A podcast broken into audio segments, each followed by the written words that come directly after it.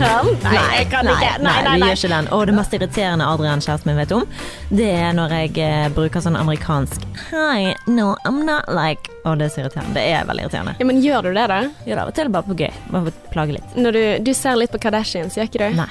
Nei? Nei. Men det, hvor får du det fra, da? Like, I don't know.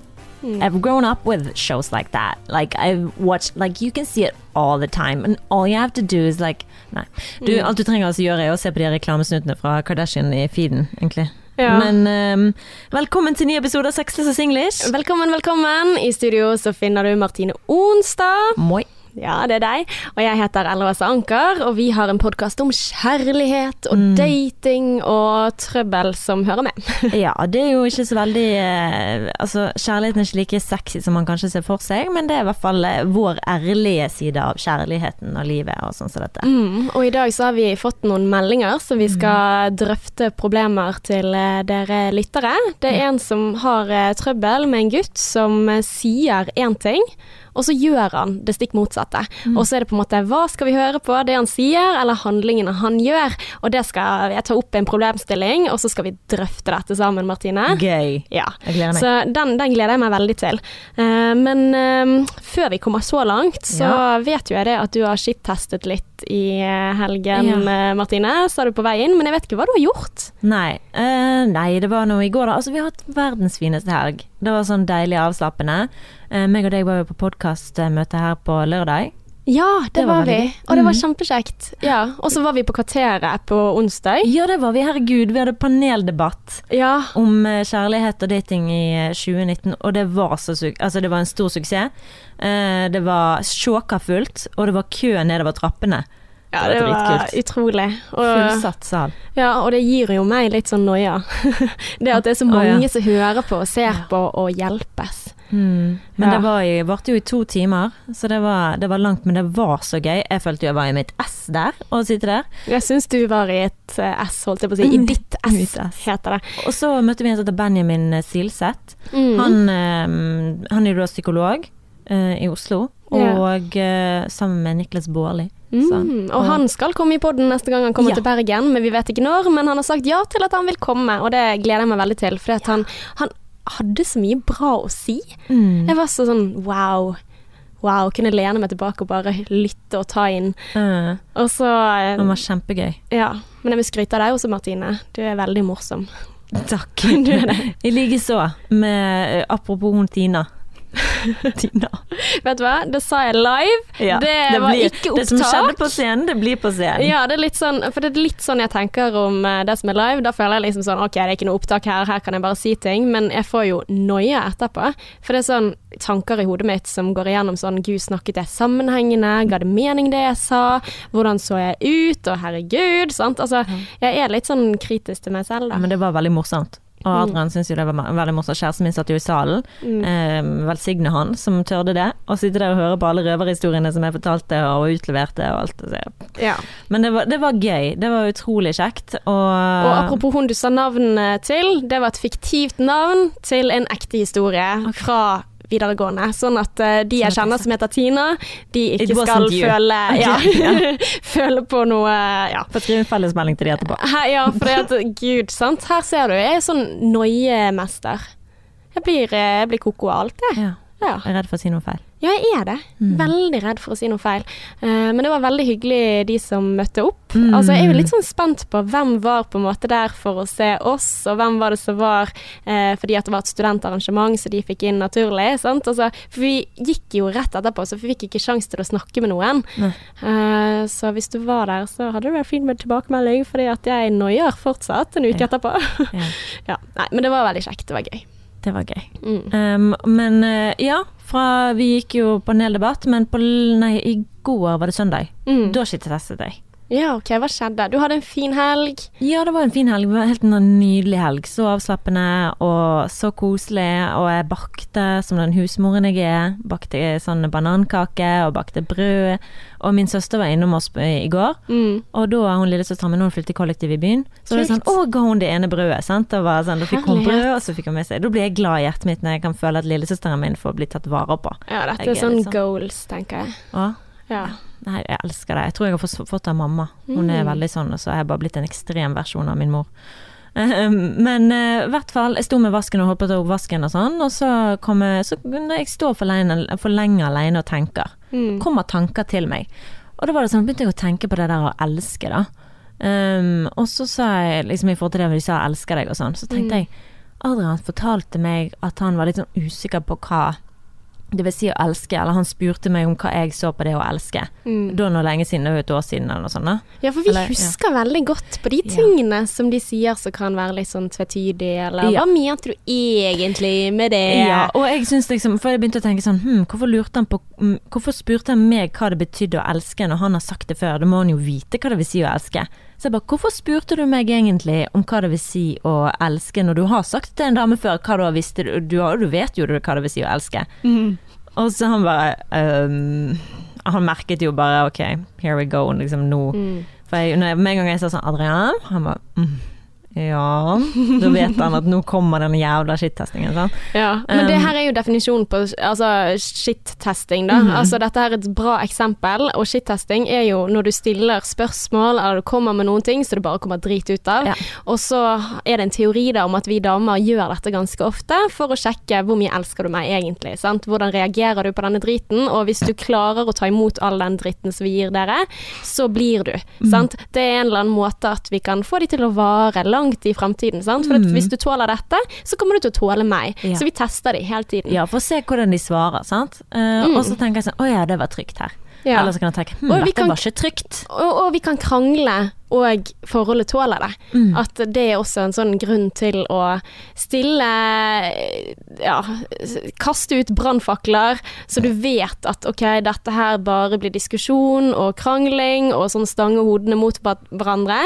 Altså litt sånn også Er jeg den peneste du har datet? Ish. Ja. Altså, uh, selvfølgelig, det hadde ikke trengt å bli en brannfakkel, men så er det på en måte sånn hvis noen har et prinsipielt at å, jeg skal alltid være ærlig, eller jeg skal Eller det må jeg tenke på. Altså, for det blir jo en brannfakkel med en gang du må tenke deg om. Ja, for, men for Det var jo litt morsomt, når vi var på møte på podcast, møtte vi jo to rappere fra Bergen. Mm. Um, Våger, blant annet. Og de satt her, og så uh, fortalte vi om shittesting. Og han ene bare 'Å ja, var det det? Er det det det er?' Jeg slo opp med eksen min, for det var så jævlig mye sånne greier der. Måtte, og hun var utrolig fet, egentlig, men eh, jeg bare orket ikke all den greien. Så det er shittesting. Jeg trodde hun bare var helt psyko. Bare, Nei da, det er nok helt vanlig, du. Mm. Bare, Å ja, han var litt ung. Sant? Så han har Ja. sikkert ikke vært i så mange forhold. Men nå har han funnet ny en. Sånn, han, for han sa det, han var helt dønn ærlig med henne, da. Mm. Eh, og alltid svarte liksom det han mente og sånn som det. Men så merket han jo at det, gjorde jo at hun ble helt psyko. Så han bestemte seg for det, siden det gikk så dårlig å være ærlig med hun eksen, som hun nye her, så skulle han eh, da lyge. Så hvis hun da spurte er jeg pen, eller er jeg den peneste, la oss si at hun spør om det, da så sier jeg bare ja, ja, ja. Ja, Ja. selvfølgelig er du det. Bare slipper jeg liksom denne greien der. Så jeg bare Min kjæreste er alltid ærlig med meg, og de mente jo at han var supermann som klarte å være ærlig uten at jeg ble psyko. Men jeg blir jo litt psyko. Mm. Men du, skulle vi ha sensurert det navnet nå? Våger å tåle det. Ja. Herregud. Er han i forhold nå? Hæ? Det Er ikke Våger som sa det. Å nei, nei, ok. Ja, Jeg våger på var her. ja Ja. stemmer. Okay. Men det var ikke han som sa det. Nei. Nei, så det går fint. Ok. Ja, men så fint. Jeg må bare Jeg må passe på. Jeg skjønner det. Ja. Det er bra. Vi har blitt enige du- om at vi skal passe på hverandre. Jeg fikk kjeft fordi jeg snakket om sexlivet vårt forrige gang, og det skal jeg ikke gjøre igjen. Ja. ja. Så nå, nå bare prøv det å passe på. Ja, det er bra. Ja, ja men så fint. Men uh, gikk det bra? Ja, i forhold til skittestingen. Ja. Ja, for jeg tenkte jeg skulle si hva han sa, da. Ehm, han sa at um, Ja, gud, hva var det han sa? Herregud, jeg hadde det! Han sa at um, Skittesting uh, Elsker deg. Uh, ja, han ville høre hva jeg hadde å si om det. Um, fordi at han mener Ja, han lurer på hvor går den, hvor går den greien fra, når du Den gråsonen fra å være forelsket til å elske. Mm. Hvor går den grensen? Ja. Han er en sånn filosofisk Ja, dude, han. for han sa det er litt vanskelig å vite når du er der. Det skjer jo ikke over natten, det bare Mm. En dag så er du det. Ja, men det, er men- ikke, det er ikke en dag, det er jo bare en sånn her eh, wave, på en måte. Go with the flow. Mm. Og hva kom du fram til? Nei, jeg syns det var ganske fint resonnert, jeg. Så han ville bare høre mine tanker om hva, hvordan jeg så på det, for han syntes det er vanskelig å vite når du har gått fra det ene til det andre. Og jeg Mm. krevde jo at han skulle si 'jeg elsker deg', sant? jeg lot jo ikke det skje naturlig. Jeg var jo litt Mm. sånn 'ja, men nå er det på tide', nå telte minutter og sekunder. Du, nå er vi der at vi egentlig burde si det til hverandre, så hvor er han henne? Hvor er den 'jeg elsker deg'-greien? Mm. Og det som er morsomt, er at vi snakket med en felles venn av oss, Mm. felles bekjent, og han fortalte oss at han eh, har ikke peiling. Han sier òg kompisene hans, de bare sier det. Mm. Elsker deg. Eh, for, han mente det at for menn så er det litt sånn øh, har ikke Hva noe betyr for å si det. det Ja, hva egentlig? betyr det? Hvorfor skal man si det? Jeg holder for meg. Han sa jo det. Han er da 36-37 Mm. og har hatt en del forhold bak seg. Han er felles venn vår. Så han har jo en del erfaring med dette her, da. Og er en veldig sånn, føler jeg en veldig sånn selvsikker En, en som jeg verdsetter i meningen til, da. Jeg føler Mm. han ja, representerer det mannlige kjønn på en veldig god måte, Mm. om det går an å si. Ja. Uh, men han uh, sa det at jeg skjønner ikke det der med 'elsker deg'. Jeg syns det er litt sånn uh. Han har jo hatt lange forhold, så det er ikke Mm. sånn at jeg prøvde å stille ham sånn safety-spørsmål. ja. Hvor lenge er det forholdet? Jeg tenkte kanskje han har bare vært sammen i sånn kort at han ikke har klart å komme til den dybden. Mm. Men han sa jo det fem år lange forhold han. Men jeg tror det liksom handler om den derre vanskeligheten med å definere hva betyr det egentlig. Altså, men han fortalte jo om en blemme han hadde gjort, Ja. så jeg bare tenkte herregud. Han sa det at han fikk en melding fra en kompis på telefonen sin som sto 'elsker deg', så da var han bare sånn hø-hø, 'elsker deg òg'. Og så viste det seg at mobilen hadde klikket, og dette var den daværende kjæresten som hadde skrevet det for første gang. Ja. Og så hadde han da skrevet det tilbake igjen, og hun var så glad, og så ringer han Ja. denne kjæresten og sier 'oi, jeg sendte feil melding'. Ja. Og vi bare 'no, you Ja. did it'! Nei, nei, nei, nei, nei. Og hun hadde sagt det til moren sin, ringt venninnen og sagt 'å, han har endelig sagt 'elsker deg', og så ah, ringer han. Så da tenkte jeg åh, der fortjente han å høre at det var litt eh, drittent gjort. Der tenker jeg at. Altså, han lærte at det skal han aldri gjøre igjen. Mm, Har du først sagt det, trekk det ikke tilbake igjen. No, no, no, no, no, no. Ja. Uff a meg. Men uh, det er jo litt vanskelig det der med når er man der? Vet du det? Altså, jeg, jeg tror jo at når jeg sa det først, så er ikke det den samme følelsen som jeg sitter med i dag. Altså med tanke på at jeg virkelig elsker kjæresten min. Men jeg tenker jo at det handler om at jeg er så tilknyttet han. Altså han er en så stor del av den verden jeg lever i. Og det kan jo ikke jeg si var sannheten når vi bare hadde vært sammen i to eller tre år, for da var det mer sånn usikkert. Men nå er det litt sånn Gud, du er den jeg vil starte familie med på et tidspunkt. Du er den jeg kjøper leilighet sammen med. Du er den jeg vil komme hjem til. Og, og den tilknytningen der tenker jeg på en måte at ja, jeg elsker han virkelig. Men mye lettere for meg å si 'elsker deg' til katten min. Og det, det høres sikkert litt rart ut, men jeg sier det faktisk til katten når jeg er alene. Ja, men det kommer automatisk. Og det er litt sånn også med niesen min. Så er det sånn åh, jeg, jeg kjenner liksom det 'Å, jeg er så glad i deg. Jeg elsker deg', liksom. Altså en sånn Et bånd som ikke er forbundet med forelskelse i det hele tatt. Sant? Jeg er ikke forelsket i katten min eller niesen min eller familien min eller noe sånt, men det er på en måte den tilknytningsbiten der som ikke nødvendigvis handler så mye om forelskelse, som jeg forbinder med å elske noen sånn skikkelig. Det er sant. Det er sant. Du, der er vi inne på noe. Jeg vet. For jeg tror, ja, jeg tror det, for det er derfor det tar så lang tid å si 'elsker deg' eller 'føle den elskelsen'. For det, du elsker jo naturligvis katten din, eller naturligvis niesen din, eller moren din, eller For det er en sånn tilknytning som har vært der så lenge. Ja. Mens denne nye her er jo en forelskelse som kan bli til å elske. Men når går man fra det ene til det andre? Det tar jo egentlig litt tid, og det er sånn som du sier nå. Det tok jo Altså, det er jo lett for meg å si det i dag, fordi vi har vært sammen i ti år, og du har den tilknytningen. Men i starten så er det sånn Er vi der? Er Ja. Jeg tror det handler mer om at det, mm, man burde si det. At det er derfor man sier det, enn at man faktisk er det. Det er jo sånn som den hunden jeg hadde hos har passet, Toffee. Jeg sa jo 'jeg elsker deg', 'jeg elsker deg'. Jeg har ikke kjent han så lenge. Nei. Og jeg bare elsker han. Sant? Han er så skjønn. Ja, og så hadde man blitt så trist hvis det altså, Men kanskje det er den tryggheten på at uh, du kommer ikke til å forsvinne med det første, som kanskje er den eh, Ja, elsker deg, altså, ja. men kanskje behovet mitt for å høre det etter det var gått noen måneder, kanskje handlet mer om kanskje den shit-testing-biten, hvis du ikke sier det tilbake. Nå sjekker jeg på en måte hvor mye er din kjærlighet eh, verdt, og hvis du skal begynne å krangle på det, er vi, er vi på samme bane? Altså, jeg leste faktisk eh, nå nylig om hvilke ting som var viktigst i forhold, eh, for altså hvilke trekk, hvilken universelle ting er det vi mennesker trenger eh, hos den andre andre parten eh, for at det skal være kjærlighet, da. Og hva er den viktigste faktoren? Har du noe eh, idé, Martine? Mm, nærhet. Nærhet? Eller kanskje Og jeg tenker liksom på kjærlighetsspråkene med en gang, sant. Ja. Om det er ord, eller om det er mm, nærhet. Altså det er jo det å føle seg trygg, sant. Men hva er det som gjør at du føler deg trygg? Mm. Eh, det må være på det. Ja. Ja, men, men du er inne på det. Altså Du sier ok, det at det er trygt. Mm. Det er faktisk omtrent det det er. Det handler om at kjærligheten er gjensidig. Ja. Det er nummer én på den Mm, listen, altså, som alle krever. Altså, for det, måten de har målt dette på, er at uh, mange kvinner og mange menn har da fått en liste, og så har de vurdert hvor viktig er dette forholdet. Er det absolutt nødvendig? Er det ønskelig, men ikke sånn livsviktig? Og er det ikke så viktig? Men de, de tingene som nærmest alle sa at dette må til for at dette skal være som ble høyest ratet da, av eh, begge kjønn i begge grupper med mange tusen mennesker, så var det det at det er gjensidig. Så ja, vi liker å bli likt, vi elsker å bli elsket. Ja.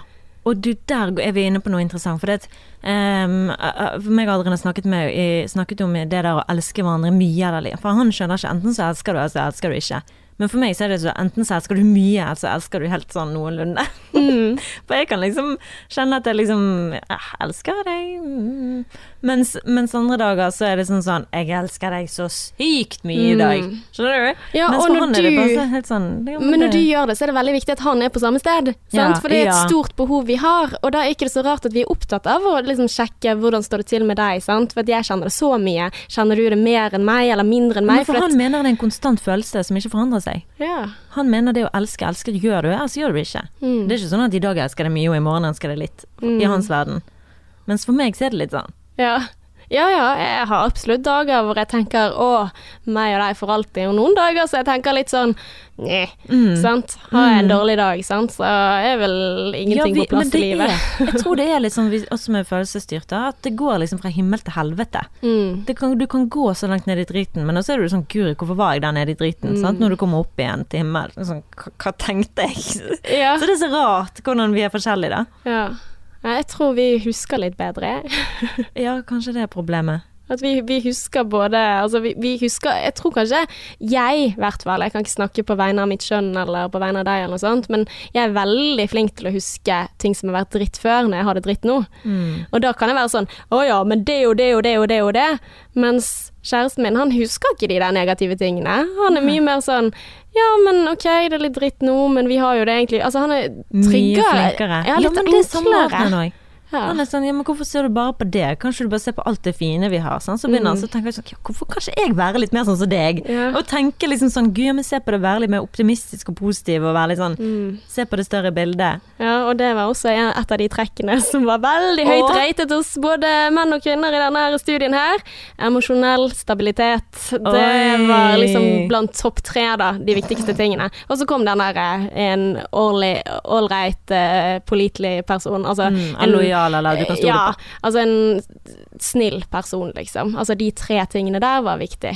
Mm. Emosjonell stabilitet, det er jo bare fucked med veldig mange Nei, men- av, eh, av vårt kjønn. Ja, Utenom- nei, altså men jeg skal altså ikke rake hele kjønnet, men det er bare sånn, ja, mange av oss da. Ja, men hvis gjennomsnittet er sånn eh, altså litt sånn ustabil, så tenker jeg på en måte da er vi innafor. Ja. sant? Altså, det er jo det som gjør verden interessant også, det Mm. at man kan svinge lite grann. Altså, jeg, jeg har tenkt på det flere ganger. Vil jeg være helt sånn stabil på alt, eller liker jeg det å ha disse eh, bunnene mine, men også toppene mine, sant? Altså, for jeg føler veldig mye. Jeg, kan, jeg så senest i går på Luksusfellen, eller jeg så det ikke, jeg bare gikk forbi av en mann som satt og gråt, for han har brukt så mange penger og, og sånn, og så sitter jeg der og gråter sammen med han, selv om eh, kjæresten min sitter i sofaen, han bare, du ser ikke på dette programmet, hvorfor begynner du å gråte nå når du går forbi den mannen som er så trist fordi at han har mistet pengene sine, eller han har brukt jobb? de opp.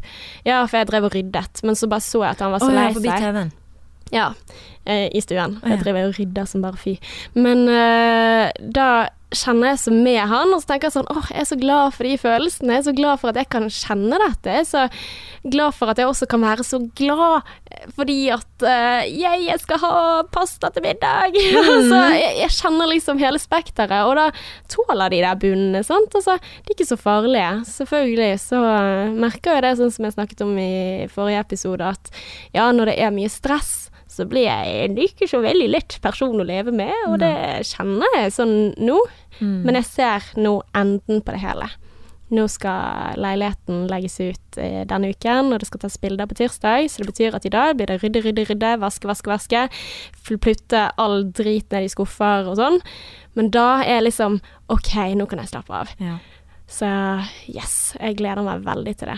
ja, for det var det jeg hadde tenkt å spørre deg om. Hva har skjedd med deg siden sist? Den siste uken? Nei, det altså, det- er? Bare rydding og vasking og Er det ja. krangling og sånn, eller da? hvordan går det? Uh, nei, jeg, jeg føler ikke at det er så mye krangling. Det er vel egentlig mer at jeg er sånn oppgitt og litt sånn Ja, jeg er ikke så veldig grei å ha med å gjøre det. Jeg blir veldig stresset. Altså, jeg blir litt sånn overveldet når jeg føler litt på den der at å, det går ikke. Og så er jo det ganske kjipt å være med noen som er litt sånn håpløse, som er litt sånn å, det går ikke uansett. Å nei, jeg klarer ikke mer, jeg klarer ikke mer. Eh, så det må jeg jobbe med. For jo, jeg har vist at jeg klarer det. Altså, når hun er stylisten forrige uke sa at jeg måtte male i gamle leiligheten også, så fikk jo jeg en umiddelbar sånn Jeg har malt så jævla mye. Nei, det kommer ikke på tale. Men så tar vi oss og kjøper maling, og jeg maler soverommet mitt i den gamle leiligheten også. Du gjorde det, ja. Hva Ja, farge ville hun ville ha, da? Hun ville ha en som heter Form av Jotun. Eh, veldig, veldig fin farge. En sånn gråtone. Så ganske mørk, men allikevel bare sånn wow, shit, så fin.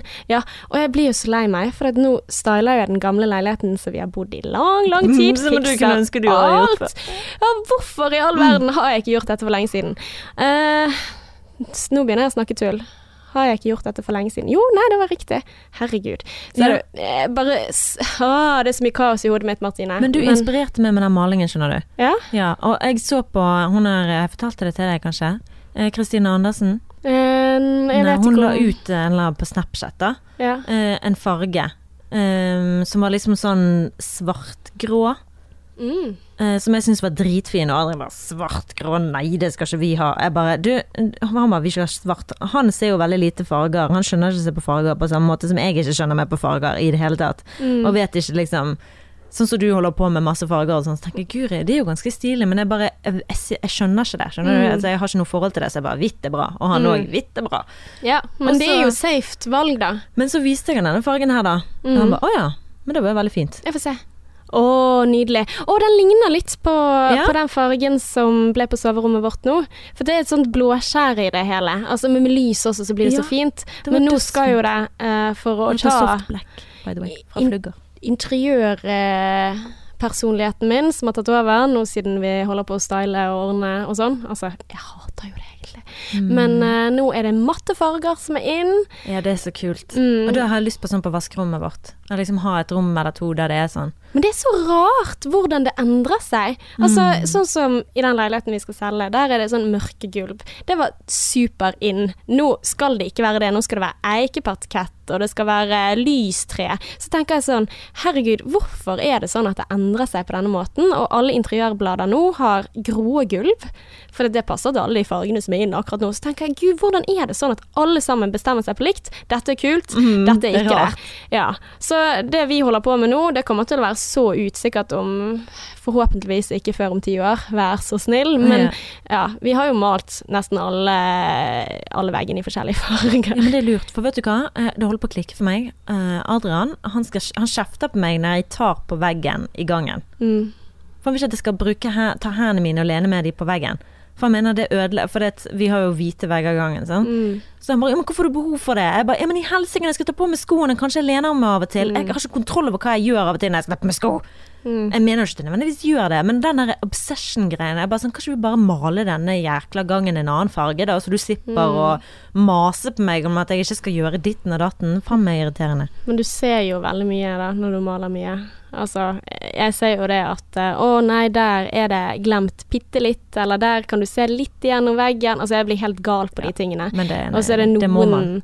Ja. Du skal ikke se sånn der slurvete arbeid, jeg er enig. Du skal ikke se sånn 'oi, der var det litt sånn vittig bak der'. Ja, men sånn- så har jeg malt fuckings tre strøk, og så er det Ah. fortsatt et eller annet sted som det er litt sånn at oi, shit, der er det litt sånn nyanseforskjell. Der ser du at jeg har malt over der, men ikke det Altså, jeg blir helt sprø. Altså, jeg går over med sånn her lampe og står bak lampen, og så ser det bare når jeg liksom eh, Mm. gjør sånn som de gjør på sånn eh, detective ja. show, med sånn blålys omtrent, hvor jeg går bort til veggen og blir helt sånn eh, obsessed. Altså, jeg må bare slutte med det. Jeg må tenke det er bra nok. Akkurat sånn. Altså, alle personer de er bra nok. Altså, så tenker jeg at denne veggen må være bra nok, liksom. Altså, ja, det kommer til å være et eller annet sted hvor det er en liten flekk inntil en list, eller ja. Det er de der små eh, skjevhetene som gjør det så vakkert. Så er det ikke sant. Ikke Fortell sant. deg sjøl det, du, Ella. Ja, ja, du får komme og se, og så får du se om, eh, om du ser det samme som meg, for nå ser jeg bare feil. Men eh, det blir fint. Ja, det blir fint til slutt. Jeg skal komme på besøk. Ja, jeg gleder meg. Men ok, Martine. Skal vi vie resten av episoden til lytterne våre? Ja, det kan vi gjøre. Ja, for vi har fått mange meldinger, og vi setter så stor pris på det. Vi heter Sexløs og singlish. Ja, vi heter Sexløs og singlish på Instagram og på Facebook. Og Ja. hvis du vil ta kontakt, gi ris eller ros, eller gi oss eh, noen problemstillinger dere ønsker at vi skal drøfte, så send det inn. Vi svarer alle. Kan godt hende at det tar litt tid, men det er bare fordi at vi er sløve. Men vi skal svare. Vi svarer alltid. Og Mm. hvis du har lyst til å rate oss, så da må du bare gi oss fem. Da blir vi glade, da elsker vi deg. Mm, men vi er ikke ferdig med episoden. Nei, men Ja, vi bare, nei da, vi er ikke ferdig, men jeg vil bare minne folk på midt Ja. her nå. Jeg skal minne deg på det etterpå òg. Ja. For det er rating, det gjør at livet vårt blir bedre. Ja, det gjør det. Og hvis du liker oss, så har du lyst til å rate oss. Ja, vi bruker en del tid på dette, så um, det betyr mye. Vi bruker mye tid på det, så du skylder oss det der, Ja, og vi er jo så glad i ord. Ja, vi er så glad i ord. liker bekreftende ord. Ja, nei, men eh, vi har fått en del meldinger, og du har fått en melding. Ja, vi har fått melding av en lytter som eh, hun lurte på dette. Å bli ufrivillig foreldre og lyger om å gå på prevensjon. Hva tenker vi om det? Ja. Hva svarte du på det? Jeg skrev uh, Oi, det kan vi godt ta opp. Kjenner ganske fort hva jeg mener om det. Ja, ok, så du, du er ganske klar med en gang. Jeg tenker jo at vi mener det samme, men kanskje du går først Ja. da, Martine? Jeg føler det er sånn veldig innlysende spørsmål. Ikke meningen å være frekk her også, men altså Å bli ufri Altså, du må jo ikke lyge om prevensjon. Hva faen er det for noe, da? Mm, Hva er det for noe, da? ja, Kanskje kan eh, lyge om at eh, Nei, ja, jeg går på en prevensjon. Jeg egentlig sier ikke det. Jeg skal bare lure deg til å få en unge. Altså, dette er Jeg kjenner jeg får vondt i magen. For det, Mm. det å få et barn er noe av den største oppgaven i livet. Altså, jeg tar ikke lett på det. Jeg kunne fått et barn nå. Jeg kunne fått et barn med min eks. mm. Sant? Fordi vi var sammen en stund. Nei, jeg vil bruke den tiden, og jeg vil ikke ha unge før jeg er voksen i hodet mitt og vet Mm. at jeg kan gi den ungen en trygg framtid og eh, oppegående råd. Sant? Jeg har ikke lyst til å få en unge som eh, ja, eh, ja må nødt til å være med en forelder som ikke er klar for han. Så Mm. å bli ufrivillig foreldre Shit happens, men ikke Mm. gjør det med fuckings vilje. Nei. Nei, det er litt eh, Det er ganske urettferdig mot den andre, da. Men så tenker jeg litt sånn at grunnen for at jeg tenkte at dette var et eh, bra spørsmål å ta opp i poden, fordi at det er så viktig å snakke om. Fordi at Men dere som hører på akkurat nå Ja, hvor flink er du på å spørre om prevensjon? Ja, men ikke bare spørre. Altså, det eneste måten de kan sikre seg at de ikke får barn, Det er å bruke kondom. kondom. Ja, og det er viktig. Det er faktisk det. Man har et ansvar som mann, menn også. Fordi at ja, vi kan advare. Vi får sånne meldinger med folk som lurer på hva syns dere om det å lyve om prevensjon, og så få barn, hvis du har lyst på barn. Uh, og da tenker jeg på en måte at det er jo folk som tenker på den måten, som har lyst på barn. Er ikke så viktig hvem det er med. Eh, og jeg har ikke noe kjæreste, men jeg har lyst på barn. Eh, det letteste er jo da å gå ut og ha masse sex. Ja. Uh, og, det- og det kan skje, da. Uh, så ja, jeg, jeg tenker Jeg lurer på litt sånn hvorfor hun stilte det spørsmålet. du spurte ikke om det? Nei. Nei, uh, for jeg tenker det er jo ikke noe god idé å få barn med noen som ikke vil ha barn med deg. Nei. Det vil være en potensiell belastning for det barnet som blir født, så vær litt forsiktig med det. Tenk deg godt om før du gjør det, tenker jeg. Ja, prøv, prøv med noen som vil det samme som deg, tenker jeg er godt råd der, da. Ja. Ja. Men eh, også til dere menn at eh, Ja, for det, det har jo skjedd før, tenker jeg. Det er ikke første gang i historien sikkert noen har kommet på den ideen at det går jo an å gjøre. garantert ikke. Ja. Nei. Gud, av og til er jeg så glad for at jeg er kvinne. Mm, nå kan vi stemme over egen kropp. Ja, Tenk Men de kan kjipt jo det, de også. Det... De eh, må bare bruke kondom. Ja. Altså, fordi at eh, Ja, jeg tenker bare det er så viktig, for du kan egentlig ikke skylde på at ja, men den damen, hun var crazy og lurte. Altså, hun så at hun gikk på prevensjon. Å ja. Ja. Hun sa det, ja. Så Kan du stole på en person at du har kjent henne i tre timer? Nei. Ja. Så, så ta vare på deg også pga. Uh, seksuell helse. Sant? Du kan bli smittet av kjønnssykdommer, og kvinnen kan også bli smittet av masse greier, og det vil du ikke, så, så, så gjør det. Ja, det er viktig. Mm. Og vet du hva, jeg kjenner en som eh, hadde Jeg husker ikke hva sykdommen det var. Eh, kan du nevne noen sykdommer? Eh, Klamydia, gonoré, herpes, kjønnsvorter. Herpes, tror jeg det var. Mm. Det er det. Mm. Og uten å si det. Ja. Og lå med vedkommende uten beskyttelse. ja. Det er bare ikke greit. Nei. Altså, det er så slemt, det. Hvor slem er ikke du da? Ja, men så tror jeg også at det ikke nødvendigvis er slemhet som ligger bak. Altså, jeg tenker jo at Hvis du eh, har herpes og du er fullstendig klar over det, da ja, går du ja. faen ikke hen og ligger jeg med sier noen ikke at det er ubeskyttet. riktig. Jeg sier ikke at det er riktig. Slemt. Ja, men, jeg, men jeg tipper at altså, Si at du er ute, da. Altså, du får jo eh, og, og har drukket mye, og så tenker du deg ikke om, og så tenker du litt sånn eh, Du blir jo en sånn mer egoistisk når du er full. Ja. Så, så jeg tenker på en måte at Jeg, jeg merker Martine, altså der, der vi ofte tar og diskuterer mye, så merker jeg det at jeg har ofte veldig hjerte for de som har gjort feil. Mm. Litt som, som han på uh, Luksusfellen, sant. For det er bare hans egen feil at han har de problemene han har. Han har brukt for mye penger. Og det, det tenker jeg sånn Jeg blir så rørt av det. Sant? De som angrer på ting de har gjort. Og det tenker jeg også. Hadde jeg hatt herpes og gitt det videre til noen, så hadde jo jeg kjent på en dårlig samvittighet. Du hadde vært en drittsekk og hadde ikke villet snakke med deg igjen. ja, heldigvis så har jeg ikke, har jeg ikke herpes. Det Men hadde ikke vært så ille, men jeg hadde Nei, det- sånt liker jeg ikke. Nei, eh, men jeg, jeg, jeg bare føler så med den jeg, jeg føler liksom jeg kan kjenne på den dårlige samvittigheten. Jeg Eh, tror ikke de føler så mye på deg. tror du ikke? Ikke, ikke nødvendigvis. Nei. Men, Men, moral i denne her eh, greien her, da, det er nå i hvert fall aldri lyge om du bruker prevensjon, og Mm. spør alltid om den andre gjør det, og sørg for at du vet svaret, altså bruk kondom for pokker i vold. ja. ja. Stol bare på deg selv. Seriøst. Jepp. Preach. Men OK, skal vi ta eh, the next one? The next one, put it on. Ok. Uh, vi har fått uh, faktisk um, to meldinger som jeg syns var veldig fine. Kan, kan ta den som er liksom hovedproblemet først, da. Eh, skal vi se oh, Nå gikk jeg inn på feil eh, Insta, men der får vi det.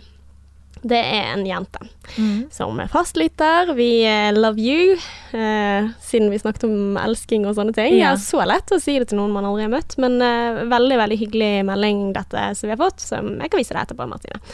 Men skal vi se. Eh, hmm, hmm. Eh, har ikke vært eh, Altså, 21 år, har ikke vært i forhold før, så er ganske usikker på denne situasjonen, hvordan denne skal løses. Men here it goes.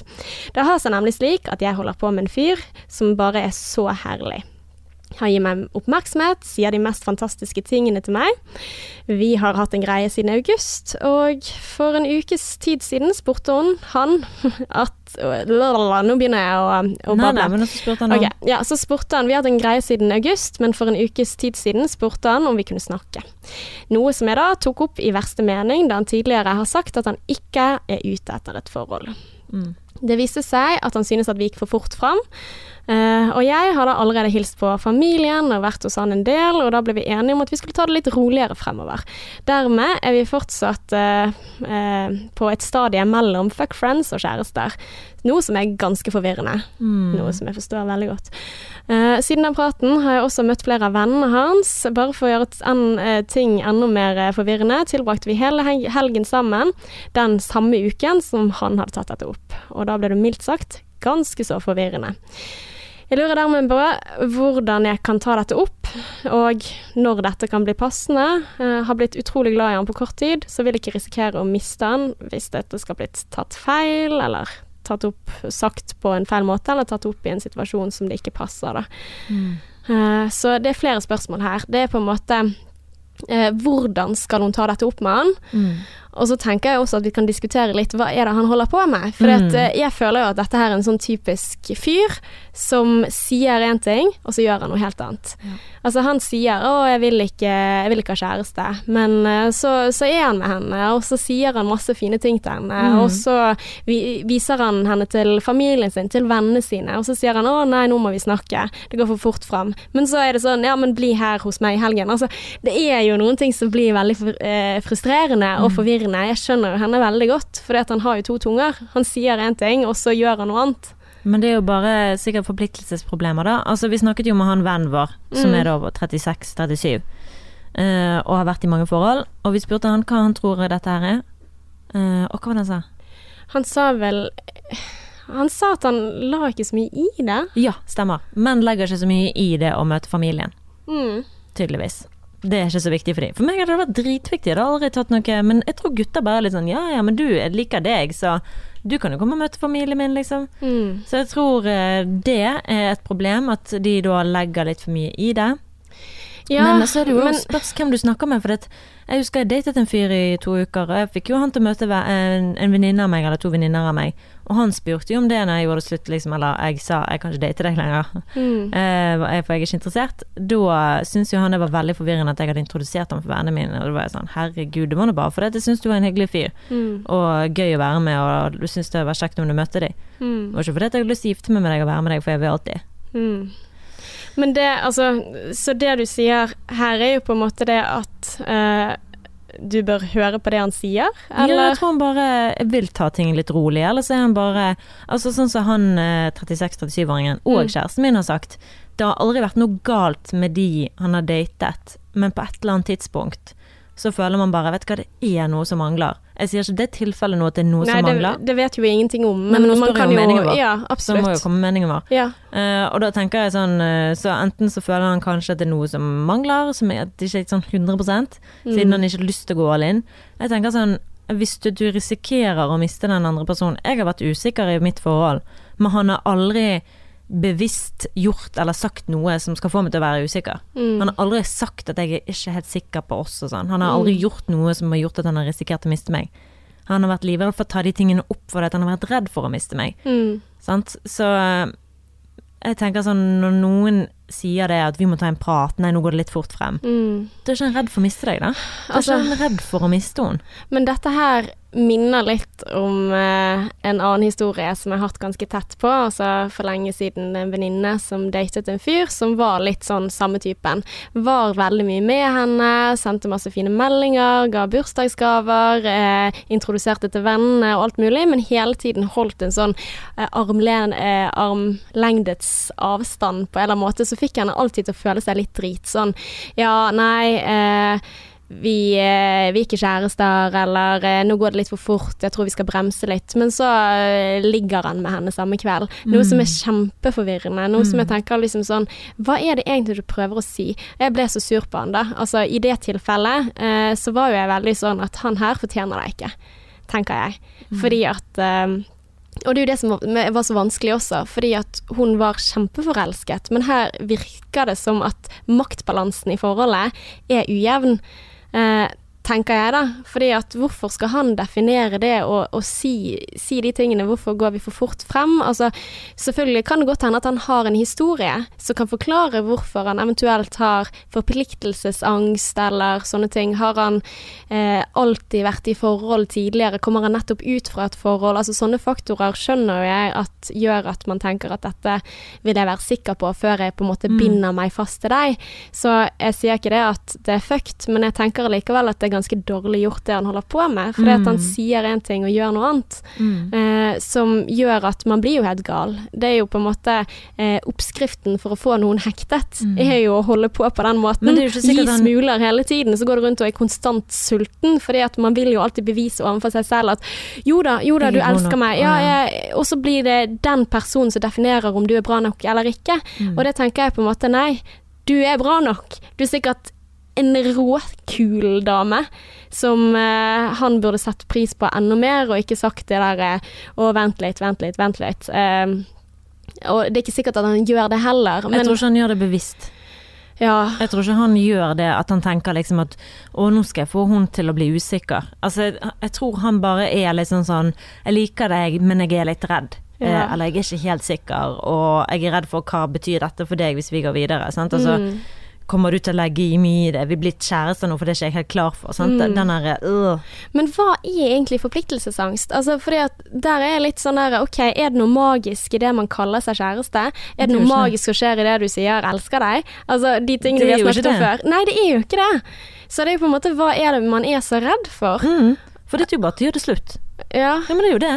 Mm. Om vi blir sammen nå, spiller det ingen rolle, du kan gjøre det slutt i morgen. Ja, du kommer til å såre den andre personen uavhengig om du sier eh, 'vi bremser litt ned nå', for du har Ja, allerede en relasjon. være Da er du ikke inni det. Hvis du, Mm. hvis du trenger å si at vi må roe det ned, da er du ikke inni det egentlig. Mm. Da er du ikke redd for å miste den andre personen. Da er du litt sånn ta, Eller kanskje han hadde vært det, men han kjenner det ikke, for han er på topp. Han er på topp i maktbalansen. Kanskje jeg trenger å miste henne for å kjenne at jeg må ha henne. Men det er jo Ja. litt fucked, for det er jo liksom du vil ha det du ikke kan få opplegg. Ja.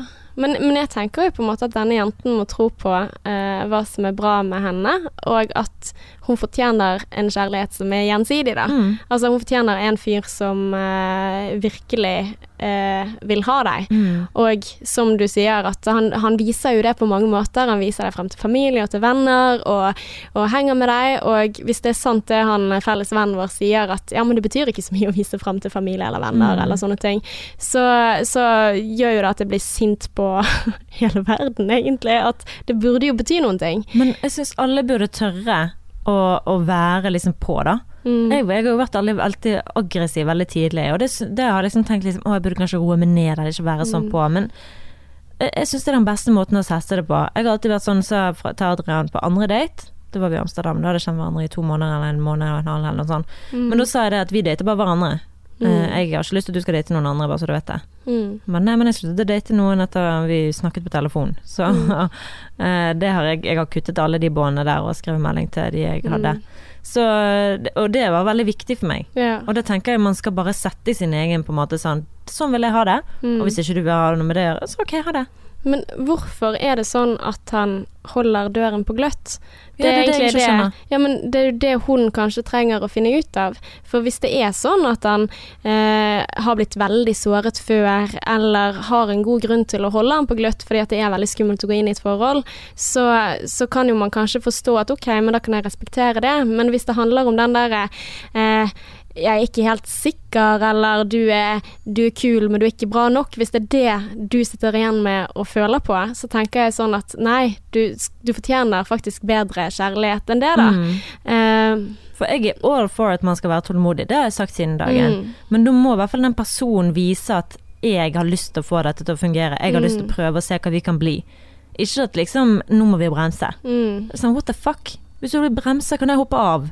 mm, Hopp av i svingene, jeg snakkes, kos Mm. deg. Og eh, hvis, han, hvis du da går glipp av den personen, så har du egentlig bare Du har eh, spart deg sjøl for mye bortkastet tid. ja.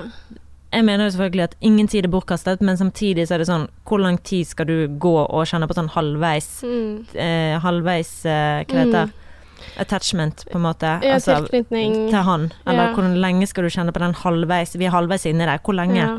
Men så spørs det også på en måte hva er det hun krever av han som han er redd for. Altså, for det kommer jo an på litt sånn hva hun også vil. Er det det at du vil at de skal eh, At han skal kalle deg kjæresten din, eller er det at du vil at han skal si 'elsker deg'? Vil du at han skal flytte inn med deg? Altså, det kommer jo litt an på Altså, hvis det er veldig store krav, så kan jeg skjønne at han sier eh, 'OK, vent litt, nå, nå stopper vi en hal'. Altså, er det snakk om jeg skal på ferie med familien din om to uker, Mm. og det er det eh, For da kan jeg godt skjønne at han vil bremse, men hvis det er bare det å si 'du er min', Mm. da tenker jeg litt sånn hm, for en ræv.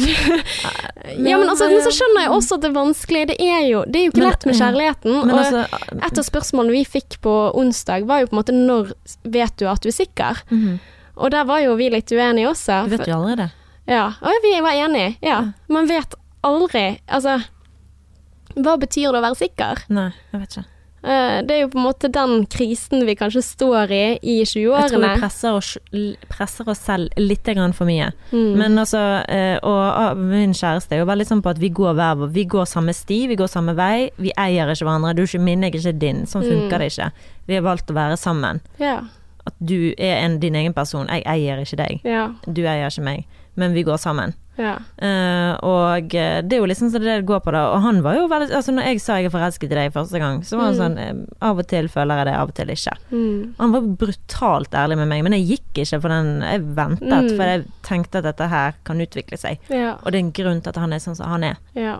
Og det vil jeg vente og se hva jeg er for noe. ja. Så du, du har et godt poeng at kanskje man må gi det tid til å være klar til å tørre å ta det steget, da. Så lenge du føler den personen er ærlig med deg og kommer til å på en måte ikke lure deg inn i noe, eller ikke på en måte bare Mm. ha deg der for å ha deg der, men at han faktisk har lyst til at dette kan utvikle seg. Mm. Jeg er faktisk, har lyst til å se hva dette kan bli. Ja. At du kjenner på den genuiniteten fra hans side. Ja, så det er vel det viktigste å undersøke. Er dere på samme sted i det at man ønsker eh, å fortsette kontakten og være er nysgjerrig på hverandre, og man ønsker ikke noen andre? Det tenker jeg er viktig. Mm. Eh, og hvis han sier det, så tenker jeg det får være godt nok, men hvis han er på en måte sånn ah, At han vil holde døren åpen. ja, Nei, da er det uh, for da, da tenker jeg litt sånn at ja, du må finne ut på en måte hvordan får han deg til å føle deg. Er det egentlig han du vil ha, eller er det bekreftelsen fordi at det er hele selvfølelsen din som eh, lenes på hans bekreftelse av deg? Eh, jeg får bare umiddelbart en sånn drittsekk i hodet fordi at jeg har sett det så mange ganger før mm. eh, med venninner som har vært veldig hektet på noen som har alltid på en måte gitt litt mindre enn det de gjorde. Eh, og det, det føles veldig drit i lengden, så jeg vil bare passe på at du har det bra, du som sendte den meldingen. Men det kan godt hende at dette her er bare Ja, siden august, det er jo ikke så lenge. Mm. Altså det er jo bare noen måneder, så jeg skjønner jo litt at uh, det er veldig ferskt. Og, og da tenker jeg litt sånn Kanskje for hennes del, for å ikke lage en stor greie ut av det, kanskje man Skal man ta det opp i det hele tatt? Hva tenker du, Martine? Um, det går, altså jeg liker jo å være veldig direkte, da. Og jeg gjorde det etter to måneder. Da sa jeg at eh, min intensjon i dette er å date deg. Mm. Og hvis du har lyst til å date andre, så må du bare gjøre det, men det skjer uten meg. Mm. Jeg Ja. trenger ikke være så jævla krass med det, men bare si sånn at du jeg liker deg, og jeg har bare lyst til å date deg. Hva Mm. tenker du om det? Ja. ja, for det tenker jeg er en fin prat å ha. Mm. Det er jo ikke noe sånn. Ja, og det, det er sexy med folk som er direkte og selvsikre. Ja. Men det du- gjør deg selv ganske sårbar når nei, du ikke sier det. du Nei, jeg følte ikke når jeg gjorde, jeg gjorde det. Nei, du er så tøff. Det er litt sånn Nei, som jeg, jeg- sa på onsdag også. Alle trenger litt Martine inni seg. Jeg skulle ønske jeg hadde mer av det. Nei, men det er bare sånn at jeg tenker bare Jeg vil bare klarere dette her. Jeg, Mm. jeg legger ikke noe sånn alle følelsene mine inn i dette, for jeg tror så bare Mm. kjente jeg i to måneder. Ja. Men jeg bare sier det at uh, jeg er interessert i deg. Eh, Mm. jeg vil bare vite at vi er på samme bølgelengde, liksom. For hvis Mm. ikke, så er jeg snakkes. Så, Ja. så er det ferdig. Så er vi ferdig. Men hun er jo veldig redd for å miste han.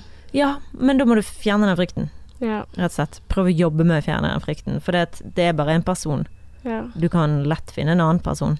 Mm. Så det, det å, å henge seg opp i den tanken, da må du tenke på det som du sa, er du avhengig av bekreftelsen eller personen, hva er greien her? For det, jeg skjønner det å like noen er veldig heftig, Mm. men hvor mye skal du gå på kompromiss av deg sjøl for de du liker denne personen? Mm. Skal du liksom bare Nei, nei, men jeg trenger ikke føle noe, jeg kan late som jeg ikke føler en dritt, jeg, bare for å liksom Mm. holde deg, beholde deg i livet Mm. mitt. Så skal jeg begrense meg sjøl. Ja. Hallo. Ja, men så tenker jeg på en måte også det der å si Jeg tror jo det er veldig viktig, og det er veldig tøft å si det. Hei, du, jeg liker deg veldig godt, eh, og jeg håper at det kan bli noe mer. Uh, er vi på bølgelengde? Mm. Uh, eller jeg har ikke lyst til å møte noen andre, hvordan er det for deg? Ja. Men da er jo det også Da legger du premiss om at vedkommende kan si Ja, nei, jeg er ikke helt klar for Da det sparer ennå. du mye tid. Ja. Hvis ikke du har lyst til å gjøre det, hvis ikke du har lyst til å prøve det, da ser jo ikke han den spesielle personen du er. Mm. har, med en, du har jo lyst til å være med noen som ser på deg som noe unikt, Mm. og ikke bare en eller annen, og, og så Mm. kan det godt komme en annen som er bedre. Ja, Nei, men det syns jeg egentlig var et ganske godt råd, da. Å være sånn eh, direkte på hva, hva du forventer. Mm. Altså, for det s- jeg er enig i at det er ganske sexy med de som vet hva de vil, Mhm. og tør å gjøre seg eventuelt sårbar. Eh, og si at 'hei, jeg liker deg'. Eh, og undersøke det på en måte, at du ikke blir den der ujevne, at det er han som styrer alt. Mm. For det er det jeg er litt redd for, at det kan være at han er den som på en måte har hovedmakten i forholdet, og det gjør også at han blir kanskje usikker. Mm. Uh, og det er jævlig kjipt å være på den andre siden og være på tilbudssiden og hele tiden måtte måle den kjærligheten. 'Å, liker du meg nå?' eller 'er jeg bra nok Ja. for deg?' eller sånne ting. Så jeg håper at du slipper å å stå opp i det, da. Men det høres jo ut som at han bryr seg også, i og med fra- at han sier mye fint. Men Tenk å gå fra å være liggevenn til å liksom skal bli kjærester, sant. Det er jo Mm. eh, Jeg fikk jo melding av en som jeg i helgen. Booty call. Mm. Oi, Ja. nå i helgen har Ja. ikke han fått med seg at uh, du har Tydeligvis kjæreste? ikke. Det her var jo en liggevenn tilbake i 2015. Oi, har ikke glemt det ennå. Score! Han skrev 'Er det for seint å ringe?' Ja. Han, eh, han tok jo den der, han la en rose, husker vi skulle spise frokost da. Mm. La han en rose med, med tallerkenen min, så når jeg sto opp så lå det en rose der, jeg bare, hva er dette her for noe? Nei, jeg tenkte liksom, ja, meg og deg, sant? Kanskje, vi så jo film, og det var jo litt hyggelig. Yeah. Jeg bare, nei. Would you accept this, Rose? Ja, would you accept snakk om ungkarskvinnen da? Nei, så sa jeg bare, nei, du, jeg har vært veldig tydelig fra starten om at jeg ikke er interessert i noe mer enn bare å Mm. være liggevenner. Ja. Så da måtte jeg bare gjøre det slutt med en gang neste gang, eller gjøre det slutt, jeg måtte si at vi ikke kunne treffes mer. Mm. Men der høres det jo ut som denne fyren har bestemt seg før de har blitt kjent, da, sant? Altså sagt fra starten at uh, jeg er ikke interessert i et forhold, sånne ting. Altså, det å leve veldig lenge med noen som ikke er interessert i forhold, da sårer du deg selv veldig mye. Så det er jo på en måte det å finne fram den indre styrken. Hva er du verdt? Mm. For du får den kjærligheten som du eh, tror du fortjener. Mm, Ja. definitivt. Så hvis du tror at du fortjener en som bare liker deg sånn halvveis, så får du nok det også, og det er ikke bra nok. Nei, Og det, ikke i lengden. og det var det som var så fint, for den andre meldingen vi fikk, Martine, den passer veldig til, eh, til dette, denne tematikken. Jeg burde egentlig ikke lese dette høyt, for jeg har jo dysleksi, så det er derfor jeg leser litt sånn haltende. Eh, men i alle fall, det var en, som, en veldig veldig hyggelig melding fra en jente som har reist, og så har hun hørt masse på oss i bilen. Oh, love it. Eh, så sier hun at hun relaterer seg til mye Ja, så hun, hun gir en tilbakemelding da, til det vi snakker om. Men så sier hun Jeg datet en eh, fyr som eh, jeg innså aldri hadde tid til meg. Og for første gang tok jeg samtalen at hvis du ikke har tid til meg, så vet jeg at det er en annen der ute som vil ta seg tid til meg, så da vil jeg finne han. Dette hadde jeg aldri gjort hvis det ikke var for at dere snakker så mye om at vi er bedre enn det vi tror. Oi, Ja. Og at vi ikke skal finne oss i hva som helst. hva skjedde da? Nei, hun eh, gikk videre. Hun ja, sa han, at eh, Jeg innså det at han her hadde ikke tid til meg. Mm. Jeg fortjener en som har tid til meg. Bra. Så jeg Good kommer til you. å finne han. Good for you! Sant? Jeg fikk en sånn Yes! der empowerment, hvor Ja. jeg tenker sånn Wow, for en tøffing! Mm. Altså, og så tenker jeg Gud, har vi bidratt til det, Martine? Det er deilig.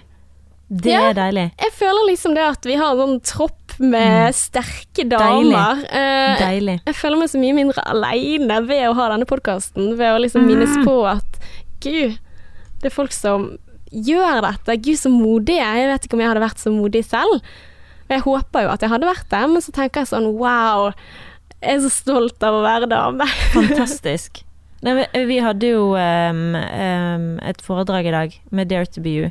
Og da Mm. var det jo noen som bare sånn Ja, men eh, Dare to be you er noe, en egen sånn eh, foredrag som jeg og en eh, venninne har, som Mm. er pustearbeider. Eh, men det handler jo om å tørre å være seg sjøl på sosiale medier. Sant? Og det var en som sa det at jeg er så redd for å, um, at noen skal si noe negativt, eller liksom om uh, Hva var det hun drev med, da? Uh, hun drev med Å, um, oh, nå husker ikke jeg.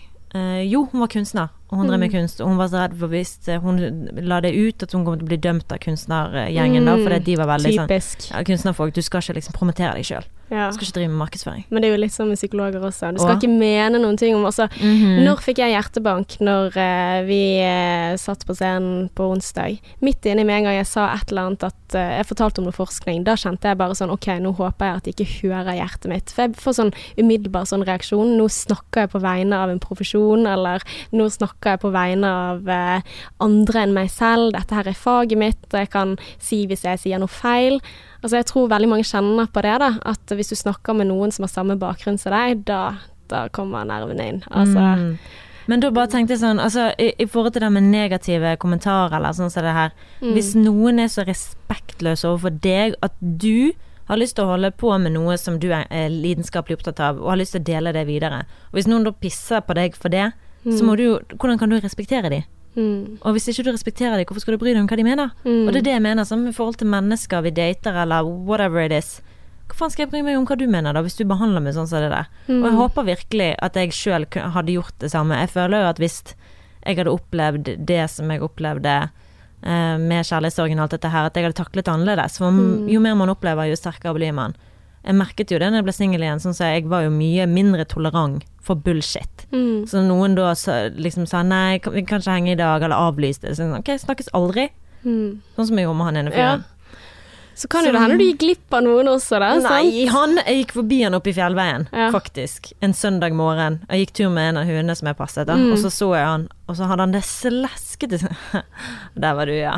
Og sånn skikkelig sleskete ja. smil. Hvem var det du møtte? Han er en douchebag, han som jeg snakket om nå, som avlyste daten. Ja, ja. Men det var Um, ikke han med rosen. Nei, nei, han er ikke douchebag, han er Åh, kjempesøt. han hørtes fin ut. Ja, Han er kjempesøt. Ja. Det er ikke noe galt med han, men han her, douchebag, og det smilet han ga meg i fjellveien Ja. da han gikk med en eller annen jente, det bare bekreftet. Og Jeg bare sånn, å ja. For jeg prøvde å Mm. smile, liksom, for jeg tenkte sånn, og han bare Der var du, ja. Jeg bare, Æsj, Ja, du er faen meg ekkel. ja. Så ja, stol på din indre stemme når noen viser seg til å være noen du ikke kan stole på. Mm. Stol på det. Stol Ja. mer på deg sjøl enn du gjør på denne andre personen som du har masse følelser for, for det kommer Ja. over til slutt. Men, jeg, men jeg håper jo det at kjærligheten kan blomstre for hun eh, førstejenten jeg snakket om, det, Hun som var usikker fordi at eh, han sier en ting og gjør noe annet. Så tenker jeg på en måte at de handlingene Han må jo gjøre det fordi at han bryr seg på et eller annet eh, vis, Ja. og at han syns at du er kul å henge med. For hvis ikke så hadde jo ikke han giddet å gjøre det engang. Så jeg Og hvis tenker ikke han at likte deg, så hadde ikke han introdusert deg for familien. Hvor mye han liker deg for å Mm. introdusere for familien, det vet vi ikke. For vi vet ikke hvor terskel han ser. Kanskje han inviterer alle venner eller damene han liker til familien sin. mm, Så vi vet ikke hvor mye det betyr for han, men Ja. vi vet i hvert fall at du er kul i hans øyne, eller du, han Ja. liker deg. Og så kan jo det hende at han her også kanskje er litt ung og kanskje litt barnslig. Ja. På en eller annen måte. Altså Det kan jo hende at han er litt sånn her eh, Ja, ikke helt ferdig med Altså, er redd for å gå inn i denne forholdsfasen og miste alle 20-årene. Altså gutter gutta, av uh, sant. Altså Det kan jo hende at det er det han er redd for, eller at han har noen kompiser som syns det er teit å ha dame, eller at han blir tøffel, eller Altså, vi, vi kjenner ikke han, eh, og vi vet jo ikke situasjonen og hva ting han har sagt, så jeg tenker jo på en måte at det som får deg til å føle deg bra, men spørsmålet mitt til deg er jo Føler du deg bra nok i dette? Får han deg til å føle at du er bra nok? Ja, men det følte jo ikke jeg med Adrian heller, for den saks skyld. Så det, og, eh, det tok lang tid før jeg følte meg bra nå. Altså, jeg bare følte ikke at han så på meg så bra som jeg så på meg. Mm. Men det føler jeg nå. Men det tok bare veldig lang tid å komme inn på han. Ja, så kanskje man skal være tålmodig Man skal være tålmodig tid. så lenge den personen viser at han er oppriktig og genuin. Ja. Ja, og jeg tror det er fortsatt viktig å se at maktbalansen er ikke ujevn her, altså at det er gjensidig. For hvis det går veldig lang tid, og du føler hele tiden at du er mye mer på tilbudssiden enn det han er, så blir man ganske koko, altså. Yep. Uh, så det er på en måte det jeg mener. Får han deg til å føle deg bra? Uh, så på en måte på den måten at han, han er med på samme vei, så det er å kanskje ta en prat og si, sånn som du sa, Martine, være oppriktig med å si hei. Vet du hva, jeg liker deg veldig godt. Eh, jeg håper at dette bli kan bli, ja, bli noen ting. Mm. Eller jeg har ikke lyst til å date andre. Eh, hva tenker du om det? Ja. Fair Eh, enough. Og så si at jeg trenger ikke å gifte meg i morgen, eller jeg Nei, jeg skal trenger ikke nevne det i det hele tatt. Skal ikke nevne det. Nei, men han har, jo, han har jo sagt det der at det går for fort fram, så Ja, kan jo det ikke si, trygge eh, skal, skal vi gifte Eller jeg trenger ikke gifte meg i morgen. Må ikke nevne Nei. giftermål. Å nei, du mener det. Ja, for jeg tenker jo på en måte at man kan trygge han litt på at uh, det å eh, si dette her betyr ikke at vi eh, forlovede skal flytte inn sammen og ikke kan dra på gutteturer, eller kanskje undersøke hva, hva er det du er redd for, sant? Jeg tenker det viktigste her er å si minst mulig, Ja. og bare la han få prate.